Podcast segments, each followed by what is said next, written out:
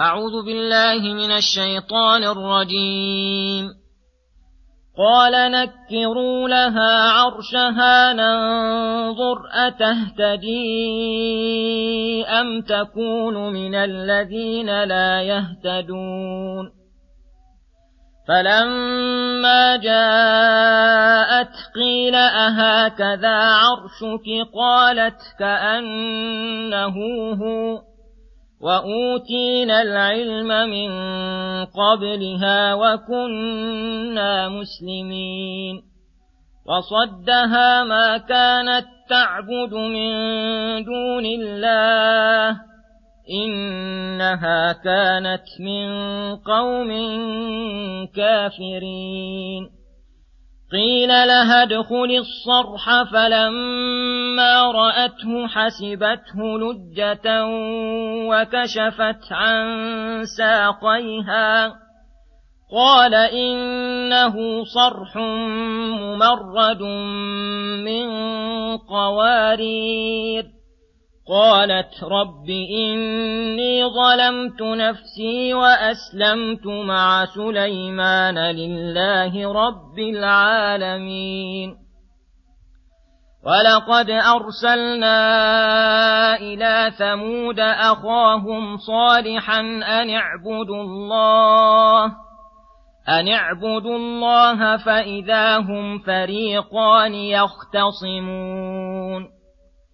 قال يا قوم لم تستعجلون بالسيئة قبل الحسنة لولا تستغفرون الله لعلكم ترحمون قالوا اطيرنا بك وبمن معك قال طائركم عند الله بل أنتم قوم تفتنون وكان في المدينة تسعة رهط يفسدون في الأرض ولا يصلحون قالوا تقاسموا بالله لنبيتنه وأهله ثم لنقولن لوليه ثم لنقولن لوليه ما شهدنا مهلك أهله وإنا لصادقون.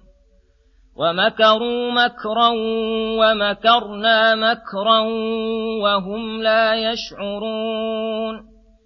فانظر كيف كان عاقبة مكرهم أنا دمرناهم وقومهم أجمعين فتلك بيوتهم خاوية بما ظلموا إن في ذلك لآية لقوم يعلمون وأنجينا الذين آمنوا وكانوا يتقون. بسم الله الرحمن الرحيم. السلام عليكم ورحمة الله وبركاته. يقول الله سبحانه نكروا لها عرشها الآيات. ثم قال لمن, عنده نكروا لها عرشها أي غيروه بزيادة ونقص. ونحن في ذلك ننظر مختبرين لعقلها أتهتدي للصواب ويكون عندها ذكاء وفطنة تليق بملكها. أم تكون من الذين لا يهتدون؟ فلما جاءت قادمة على سليمان عرض عليها عرشها وكان عهدها به قد خلفته في بلدها. فقيل لها هكذا عرشك؟ أي أنه استقر عندنا أن, أن لك عرشا عظيما. فهل هذا كهذا العرش الذي أحضرناه لك؟ قالت كأنه هو وهذا من ذكائها وفطنتها لم تقل هو. لوجود التغيير فيه والتنكير ولم تنف أنه هو لأنها عرفته فأتت بلفظ محتمل للأمرين صادق على الحالين. فقال سليمان متعجبا من هدايتها وعقلها وشاكرا لله أن أعطاه أعظم منها وأوتينا العلم من قبلها أي الهداية والعقل والحزم من قبل هذه الملكة. وكنا مسلمين وهي الهداية النافعة الأصلية ويحتمل أن هذا من قول ملكة سبأ وأوتينا العلم عن ملك سليمان وسلطانه فزيادة اقتداره من قبل هذه الحالة التي رأينا فيها قدرته على إحضار العرش من المسافة البعيدة. فأذعنا له وجئنا مسلمين له خاضعين مسلمين له خاضعين لسلطانه. قال الله تعالى وصدها ما كانت تعبد من دون الله أي عن الإسلام وإلا فلها من الذكاء والفطنة ما به تعرف الحق من الباطل. ولكن العقائد الباطلة تذهب بصيرة القلب. إنها كانت من قوم كافرين فاستمرت على دينهم. وانفراد الواحد عن أهل الدين والعادة المستمرة بأمر يراه بعقله من ضلالهم وخطئهم من, أن من أندر ما يكون. فلهذا لا يستغرب بقاؤها على الكفر. ثم إن سليمان أراد أن ترى من سلطانه ما يبهر العقول فأمرها أن تدخل الصرح وهو المجلس المرتفع المتسع. وكان مجلسا من قوارير تجري تحته الأنهار. قيل لها ادخلي الصرح. فلما رأته حسبت لجة ماء لأن القوارير شفافة يرى الماء الذي تحتها كأنه بذاته يجري ليس دونه شيء. وكشفت عن ساقيها لتخوضه وهذا أيضا من عقلها وأدبها. فإنها لم تمتنع من الدخول للمحل الذي أمرت بدخوله لعلمها أنها لم لم تستدع إلا للإكرام. وأن ملك سليم وأن ملك سليمان وتنظيمه قد بناه على الحكمة ولم يكن في قلبها أدنى شك من حالة السوء بعدما رأت. فلما استعدت الخوض قيل لها إنه صرح ممرد أي مجلس من قوارير فلا حاجة منك لكشف الساقين. فحينئذ لما وصلت إلى سليمان وشاهدت ما شاهدت وعلمت نبوته ورسالته ثابت ورجعت عن كفها وقالت رب إني ظلمت نفسي وأسلمت مع سليمان لله رب العالمين. فهذا ما قصه الله علينا من قصة ملكة سبأ وما جرى لها مع سليمان وما عدا ذلك من فروع المولدة والقصص الإسرائيلية فإنه لا يتعلق بالتفسير لكلام الله وهو من الأمور التي يتوقف الجزم بها على الدليل المعلوم عن المعصوم. والمنقولات في هذا الباب كلها أو أكثرها ليس كذلك فالحزم كل حزم الإعراض عنها. وعدم إدخالها في التفاسير والله أعلم. ثم يخبر تعالى أنه أرسل إلى ثمود القبيلة المعروفة أخاهم في النسب صالحا وأنه أمرهم أن يعبدوا الله وحده ويتركوا الأنداد والأوثان فإذا هم فريقان يختصمون. منهم المؤمن ومنهم الكافر وهم معظمهم. قال يا قوم لم تستعجلون بالسيئة قبل الحسنة؟ أي لم تبادرون فعل السيئات وتحرصون عليها؟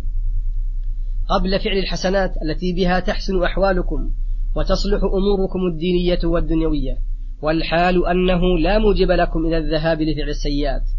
لولا تستغفرون الله بأن تتوبوا من شرككم وعصيانكم وتدعوا, وتدعوا أن, يغفر أن يغفر لكم لعلكم ترحمون. فإن رحمة الله قريب من المحسنين. والتائب من الذنوب هو من المحسنين. قالوا لنبيهم صالح مكذبين ومعارضين اطيرنا بك وبمن معك. زعموا قبحهم الله أنهم لم يروا على وجه صالح خيرا وأنه هو, وأنه هو ومن معه من المؤمنين صاروا سببا لمنع مطالبهم الدنيوية فقال لهم صالح طائركم عند الله أي ما أصابكم الله بذنوبكم بل أنتم قوم تفتنون بالسراء والضراء والخير والشر لينظر هل تقلعون وتتوبون أم لا. فهذا دأبهم في تكذيب نبيهم وما قابلوه به. وكان في المدينة التي فيها صالح الجامعة لمعظم قومه تسعة رهط يفسدون في الأرض ولا يصلحون. أي وصفهم الإفساد في الأرض ولا لهم قصد ولا فعل بإصلاح. قد استعدوا لمعاداة صالح والطعن في دينه ودعوة قومهم إلى ذلك. كما قال تعالى فاتقوا الله وأطيعون ولا تطيعوا أمر المسرفين الذين يفسدون في الأرض ولا يصلحون. فلم يزالوا بهذه الحال الشنيعة حتى إنهم من عداوتهم تقاسموا فيما بينهم. كل واحد أقسم للآخر لنبيتنه وأهله أي لنأتينهم ليلا هو وأهله فلنفتننهم. ثم لنقولن لوليه إذا قام علينا وادعى علينا أن قتلناهم ننكر ذلك وننفيه ونحلف. ما شهدنا مهلك أهله وإنا لصادقون. فتواطؤوا على ذلك ومكروا مكرا دبروا أمرهم على قتل صالح وأهله على وجه الخفية حتى من قومهم خوفا من أوليائه ومكرنا مكرا بنصر نبينا صالح عليه السلام وتيسير أمره وإهلاك قومه المكذبين وهم لا يشعرون. فانظر كيف كان عاقبة مكرهم. هل حصل مقصودهم؟ وأدركوا بذلك المكر مطلوبهم؟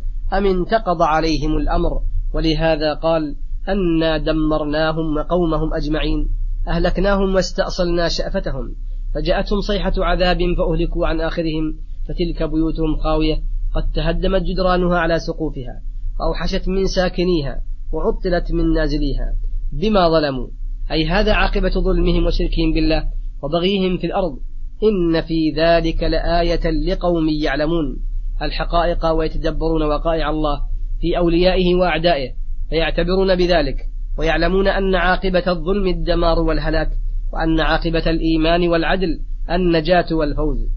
ولهذا قال وأنجينا الذين آمنوا وكانوا يتقون. أي أنجينا المؤمنين بالله وملائكته وكتبه ورسله واليوم الآخر والقدر خيره وشره. وكانوا يتقون الشرك بالله والمعاصي ويعملون بطاعته وطاعة رسله. وصلى الله وسلم على نبينا محمد وعلى آله وصحبه أجمعين. إلى الحلقة القادمة غدا إن شاء الله. السلام عليكم ورحمة الله وبركاته.